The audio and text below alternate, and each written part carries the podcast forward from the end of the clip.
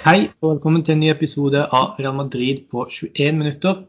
Real Madrid spilte nettopp 2-2 mot eh, Sevilla på Estadio Alfredo di Stefano i det som var en, en heidundrende spennende fotballkamp. Um, og Real Madrid får med seg et uh, veldig viktig poeng i tittelkampen, selv om det nok var en kamp Real Madrid burde ha vunnet.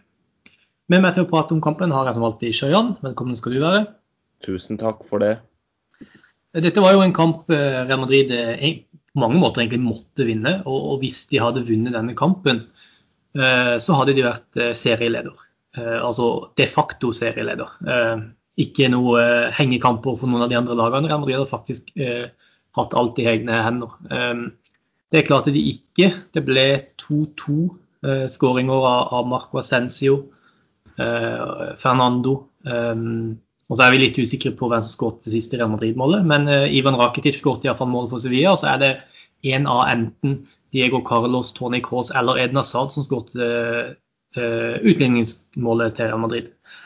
Um, og vi skal prate bitte grann om kampen, men aller mest i dag så har jeg egentlig lyst til å prate om hva dette betyr for tittelkampen. Jeg tror kanskje det er det som er mest spennende her. Um, men bare sånn veldig kort, kan, kan ikke du prate litt om, om Um, bare skåringa til Fernando, skåringa til Marco Ascencio, litt av det som skjedde i første omgang der.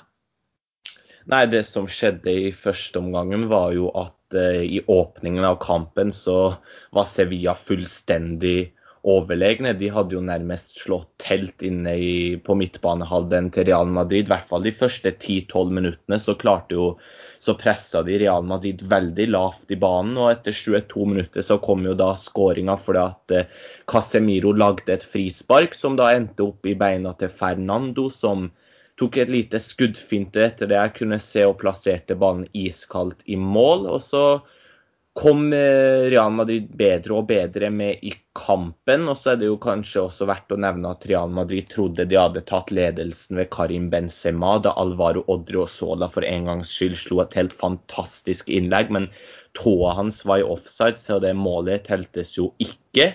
Og så utligna Real Madrid til 1-1 en, drøye 20 minutter før slutt. Ascencio som fikk en helt fantastisk pasning av Tony Cross og plasserte ballen nydelig mål. Og så er jo den 2-1-skåringa til Sevilla av det ekstremt absurde slaget hvor, eh, hvor det er et hjørnespark der Militao tydeligvis ifølge dommer henser, og så kommer, Sevilla, og så kommer eh, Real Madrid på en kontring der Benzema får en hel bane å løpe alene på og blir eh, lagt i bakken av Bono og tror at han skal få straffespark. Men så griper jo da VAR inn og oppdager at eh, Sevilla burde hatt straffespark, så den setter jo Ivan Rakitic. Og så må jo Real Madrid angripe og utligner til 2-2 like før slutt. Ja, og vi skal prate litt om eh, den dommeravgjørelsen på det straffesparket. fordi vi, jo, vi, har jo prøvd tidligere å unngå å prate for mye om dommeravgjørelser, fordi at uh, iallfall for min del syns jeg det tar veldig bort fokus fra det som jeg er så glad i med fotball, nemlig de vakre målene. Og, og jeg vil mye heller fokusere på f.eks. Real Madrid sin prestasjon enn å prate om en dommeravgjørelse. Men i dag så har jeg faktisk en liten høne å plukke, uh, og det er ikke nødvendigvis kun med denne dommeren. Men det er med måten hens-regelen og måten hens blir dømt på i La Liga, spesielt denne sesongen. For jeg, jeg, altså bare fra toppen av huet nå så kan jeg tenke på to helt lignende situasjoner hvor Real Madrid da burde hatt straffespark tidligere denne sesongen, men hvor det bevisst ble valgt å ikke gjøre det eh, pga. For, forskjellige omstendigheter. Eh, og Jeg synes det er, jeg sier jo ikke at det er en agenda mot Real Madrid, det, det tror jeg ikke på i det hele tatt. Men det, det jeg mener er at det er, det er, ikke noe sammenheng mellom hvilke hendsituasjoner det dømmes på, og hvilke det ikke dømmes på. Denne her er rett og slett farlig lik den eh, Real Madrid ikke fikk straffe på mot Atletico Madrid eh, tidligere denne sesongen. Og ja, det, det er veldig frustrerende. da. Og så er det sånn, Om det er hands, så er det greit, men da må det dømmes likt i alle lignende situasjoner i La Liga denne sesongen. For dette har kosta Real Madrid poeng tidligere. At det, blitt, eh, at det, ikke har blitt dømt hands i sånne situasjoner tidligere. Eh, hva tenker du om det? Ja, Det er ekstremt frustrerende som fotballsupporter. så vil man gjerne at det skal dømmes likt, og alle skjønner jo at dommere kan gjøre feil. Men det er jo litt av det som er poenget etter at VAR ble innført, at det skulle bli mer rettferdig og at dommerne skulle få hjelp. Men jeg er sannelig ikke sikker, for at jeg synes vi ser så mye rart. Og i PMN så har vi jo Martin Hellerud, som er dommereksperten her, og kanskje den som uttaler seg mest om dømming. Han har faktisk vært dommer selv, og han sier alltid at det pleier å jevne seg ut. Forrige sesong så hadde Real Madrid veldig mange dommeravgjørelser på sin side, men denne sesongen har de ikke hatt det. Og det begynner å bli veldig frustrerende, for jeg syns at i nesten hver eneste kamp i La Liga nå så oppstår det situasjoner der Real Madrid kunne fått noe, men at det ikke blir dømt. Og det sier jeg ikke for at jeg holder med Real Madrid, men jeg begynner å bli ganske lei av, av at det er så mye uforutsigbar dom, eh, dømming. Og det ser vi etter kampen også. Zinedine Zidane pleier alltid å gå rett inn i garderoben etter at en kamp er over. Franskmann har aldri i sin karriere klagd på dommerne, men i dag så måtte han faktisk gå bort til de og ta en prat. og Det var ganske obvious at han var ganske forbanna og, og frustrert. Ja, og det syns jeg sier litt om, om, den avgjørelsen som ble tatt. At det, når, når Zidane går bort og klager til dommerne etter kampen, da har det virkelig skjedd noe. Um, og Så kom jo Real Madrids 2-2-skåring uh, uh, kort tid etter dette. Det var Tony Cross som fyrte av et langskudd fra omtrent 20 eh, meter, eh, som var innom eh, enten Diego Carlos eller Eden Hazard på vei mot målet til Bono. Og Real Madrid har gitt skåringa til Eden Hazard, så vidt jeg kan se. Og det er faktisk Eden Hazard som får den skåringa veldig mange steder. Så får vi se. Jeg, jeg tipper at den situasjonen kommer til å bli tolka veldig forskjellig. Men veldig kort bare Eden Hazard fikk jo veldig mye kritikk etter den kampen sist. Og i dag så kommer han altså inn og får en scoring, eh, scoring til navnet sitt. Hva tenker du om det? Nei, altså hvis vi skal telle det som noe positivt for Eden Hazard, så syns jeg kanskje vi er litt vel snille, for han gjorde jo strengt tatt egentlig ingenting for å få den skåringa. Er du ikke enig i det? Ja, det er jeg enig i. Eh, han prøvde jo å flytte beinet bort. Ja, men, eh, men jeg syns det sender et signal da, at Eden Hazard starta denne kampen på benken. Også det kan godt være at uh, det pga. hans skadehistorikk og siden Real Madrid spilte på onsdag, kanskje Zidane ikke ville ta noe risiko. Men det kan også være for å sende et signal om at han må opp i ringa og at oppførselen hans ikke var akseptabel. Men han fikk jo et lite kvarter på slutten i dag. Ja, Mm, definitivt. Jeg kommer inn eh, for eh, Junior, som eh, jeg syns egentlig var god i dag. Drib igjen god til å drible. Men så er det jo avslutningene som mangler, da. Og han er jo virkelig ikke langt unna å, å sende Real Madrid. Det var vel på det tidspunktet utligninga med, med, en avslutning i stolpen. Er det noen andre du tenker spilte en spesielt god kamp i dag, eller er det noen spesielt du ble skuffa over?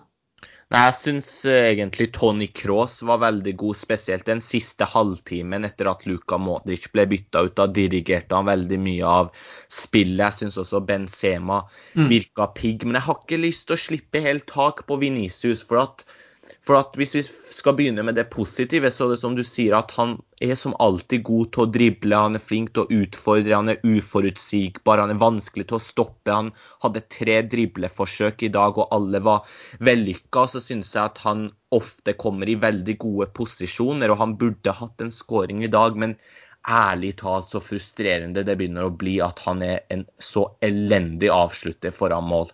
Altså det tror jeg har kosta Real Madrid veldig veldig mange skåringer. Så jeg håper bare at han får det inn i spillet sitt. Altså han blir jo 21 år i sommer, fortsatt veldig ung og mange år foran seg. Men ja, det er veldig frustrerende med Venicius, for at du vet hvor god han kan være, men samtidig så er han så lite farlig foran mål. Og det er jo det en angrepsspiller skal være aller best i. Så ja.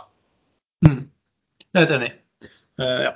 Vi har prata veldig mange ganger om det, og vi får jo bare håpe at det blir bedre etter hvert. Han har jo vist tendenser tidligere denne sesongen, bl.a. mot eh, Liverpool, at det finnes en avslutter i han. Han bare kommer ikke frem så veldig ofte, dessverre. Men eh, dette er jo eh, Med den skåringa der, da, med den eh, Tony Cross slash Diego Carlos slash Eden Hazard-skåringa, så sikrer Madrid seg et veldig viktig poeng på mange måter. og den skåringa der kan bli enormt viktig.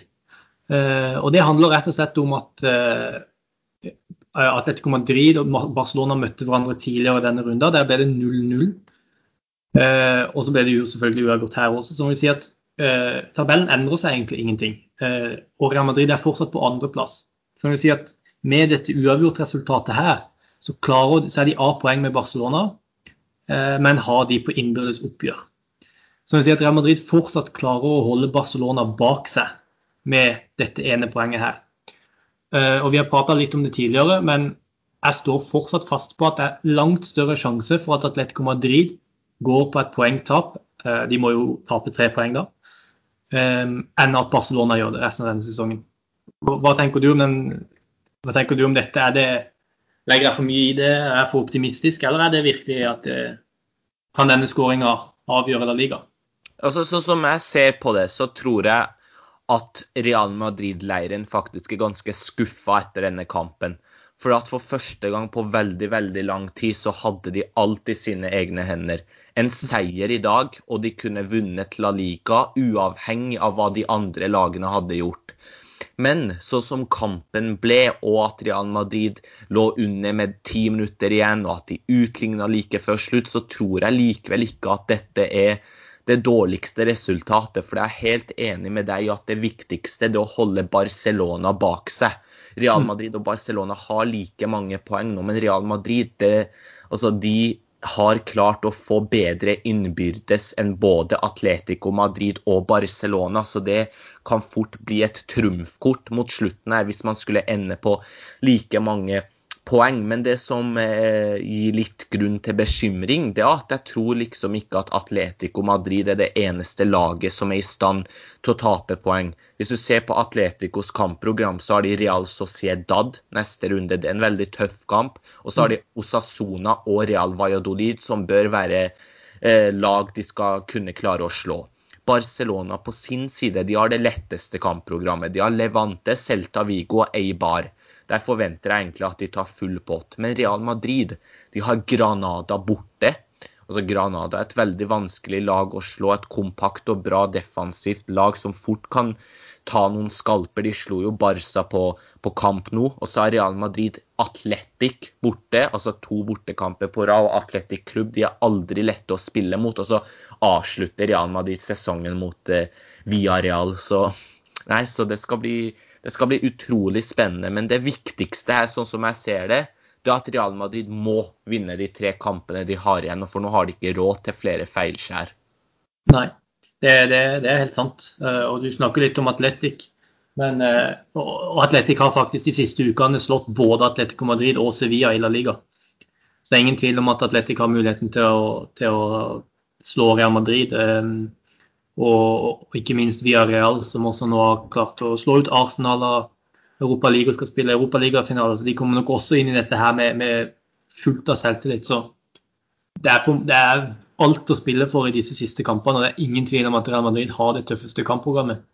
De, de burde rett og slett ha vunnet denne kampen for å gi seg sjøl en bedre mulighet til å vinne, vinne La Liga. Men samtidig, at Atletico Madrid må spille uavgjort én kamp.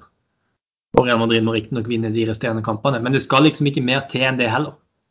Mm. Så hva tenker du inn mot, uh, mot sesongavslutninga her? Real Madrid har jo en del skader som kommer til å vare ut sesongen. Dani Carvahall er ute resten av sesongen. Sergio Ramos det har vi ikke prata om. Uh, kan jo bare nevne det. Sergio Ramos er også ute resten av sesongen. Det er rett og slett mulig at den kampen mot Chelsea var Ramos sin siste kamp i Real Madrid. Um, Lucas Vasques er ute resten av sesongen. Eh, nå ser det ut som Varan begynner å nærme seg, men de er også litt småskada. Hva tenker du om ukene som kommer? Hvem holder du som favoritt til å vinne La Liga? Jeg syns det er helt åpent, men uh, hvis jeg må gjette noen, så tror jeg Barcelona. Jeg har sagt det de siste rundene, og jeg får bare stå fast ved det. fordi at min magefølelse tilsier at Barcelona kommer til å vinne de resterende kampene sine. Og så tror jeg at både Real Madrid og Atletico Madrid kommer til å tape poeng. Og da blir det veldig tøft. Altså, dette har vært den mest absurde sesongen i Real Madrids moderne historie. Og jeg tror egentlig at hele Real Madrid-leiren faktisk er ganske utslitt nå. Men mm. også, de må jo tenke at de er i en situasjon der de er tre kamper unna en potensiell ligagull. Og akkurat det gjør faktisk at jeg tror de kommer til å takle tapet av Carvahal, Lucas Vasques og Ramos bedre. For jeg tror spillerne nå må være på tå hev og yte det lille ekstra. Mm. Så det gir jo absolutt eh, grunn til optimisme. Men jeg tror fort de kan tape, tape noen poeng nå, for det er rett og slett en veldig utslitt eh, spillergruppe. Og jeg så Zidans pressekonferanse før før denne kampen mot Sevilla. For å være helt ærlig, altså dette er ikke noe vi har diskutert ofte i denne poden, men jeg tror faktisk at dette Zinedine Zidans siste sesong som Real Madrid-trener. Og så Han virka rett og slett veldig usikker på framtiden, og han svarte veldig kryptisk at nå handler det bare om å komme seg gjennom de fire siste finalene, og så skal jeg alltid gjøre ting enkelt for klubben. Jeg skal legge fram mine planer, og jeg skal være ærlig. Jeg syns rett og slett at ordlyden der virka som at han var veldig sliten, og vi vet at når Zidane først bestemmer seg for noe, så, så går han for det. Men uh, dette var en avsporing. Men uh, poenget mitt er i hvert fall at uh, Real Madrid har absolutt alt i egne hender. De må vinne de resterende kampene, men jeg tror bare ikke de gjør det. Samtidig som jeg tror at Barcelona kommer til å vinne sine resterende kamper. Og jeg tror fort at Atletico Madrid kan tape poeng mot Real Sociedad. Mm. Ja, du, som du er inne på med Zidane, det var jo noen rykter også for noen dager siden. Jeg husker ikke hvem det var, men en, en ganske sånn troverdig Real Madrid-journalist skrev jo det at spillergruppa eh, trodde egentlig at Zidane kom til å gi seg etter denne sesongen. Eh, og, og, at spillergruppa ser for seg at, at det er tilfellet. Eh, så får vi se. Eh, jeg syns jo at han har vist seg mer enn verdig til å ta dette laget videre. Jeg tror også Real Madrid mister en pull-faktor som er, er, ganske stor eh, hvis de mister Zidane, men det får vi kanskje ta i en, i en annen pod, da. Ja, men jeg vil bare raskt, veldig raskt skyte inn, og som vi snakker om trenere, at eh, vi må gi en liten hyllest til Real Madrid-legenden Raúl, som er i ferd med å gjøre underverker med, med Castilla-laget. For første gang på veldig, veldig lang tid så skal Castilla spille playoff til Segunda. Og hvis Real Madrid kan få et B-lag i det nest øverste nivået i Spania, så tror jeg det fort det kan bidra til mye positivt for A-laget også. Så en veldig kul spillergruppe og en bra trener. Jeg tror fort Raúl er Real Madrids neste trener. Det tror jeg også. Det, det er jeg ganske overbevist om. Spesielt hvis det skjer denne sommeren. Um, men ja, vi har et par minutter igjen, og det passer egentlig perfekt. fordi at jeg var innom uh, fyren i stad, men jeg vil gjerne bruke litt mer tid til å prate om det. fordi det har blitt veldig aktuelt de siste dagene. Og det er Eden Hazard. Fordi vi sier da han kommer inn i dag, blir kanskje kreditert den skåringa, men den prestasjonen mot Chelsea i midtuka har gjort at veldig, veldig mange eh, krever Hazard bort. Ikke bare pga. det som skjedde etter kampen, men også det som skjedde under kampen og, og, egentlig mangelen på det som skjedde, for han, han bidro ikke med noe som helst, nesten. Og så har det oppstått rykter de siste dagene fra ganske mange troverdige Real Madrid-journalister, bl.a. i Marka, om at han eh, er på markedet. Real Madrid hører på tilbud om Hazard. Eh, 50 millioner euro skal visst være prisen, og da, da, kan Hazard dra. Hva tenker du om det? Er det, er det noe du Altså, Tror du på det? Er det noe du ønsker at skal skje, eller syns du vi skal vente og gi han de siste tre, tre kampene av sesongen her og, og, se hva han kan bidra med? Nei, eh, for å være helt ærlig så tror jeg ingenting på det. Altså, Én ting er greit, han kan være på markedet, men hvem er det som er villig til å kjøpe en spiller som Eden Hazard anno mai 2021? Altså, han bidrar jo med ingenting. Altså, han er så skadeutsatt. De gangene han spiller, så er han som regel ganske anonym. Han virker å ha mista veldig mye av det han hadde tidligere, og sitter med en veldig stor lønnspose. Så greit, hvis Real Madrid vil selge han, så skjønner jeg det, men hvem er det som er villig til å hente han?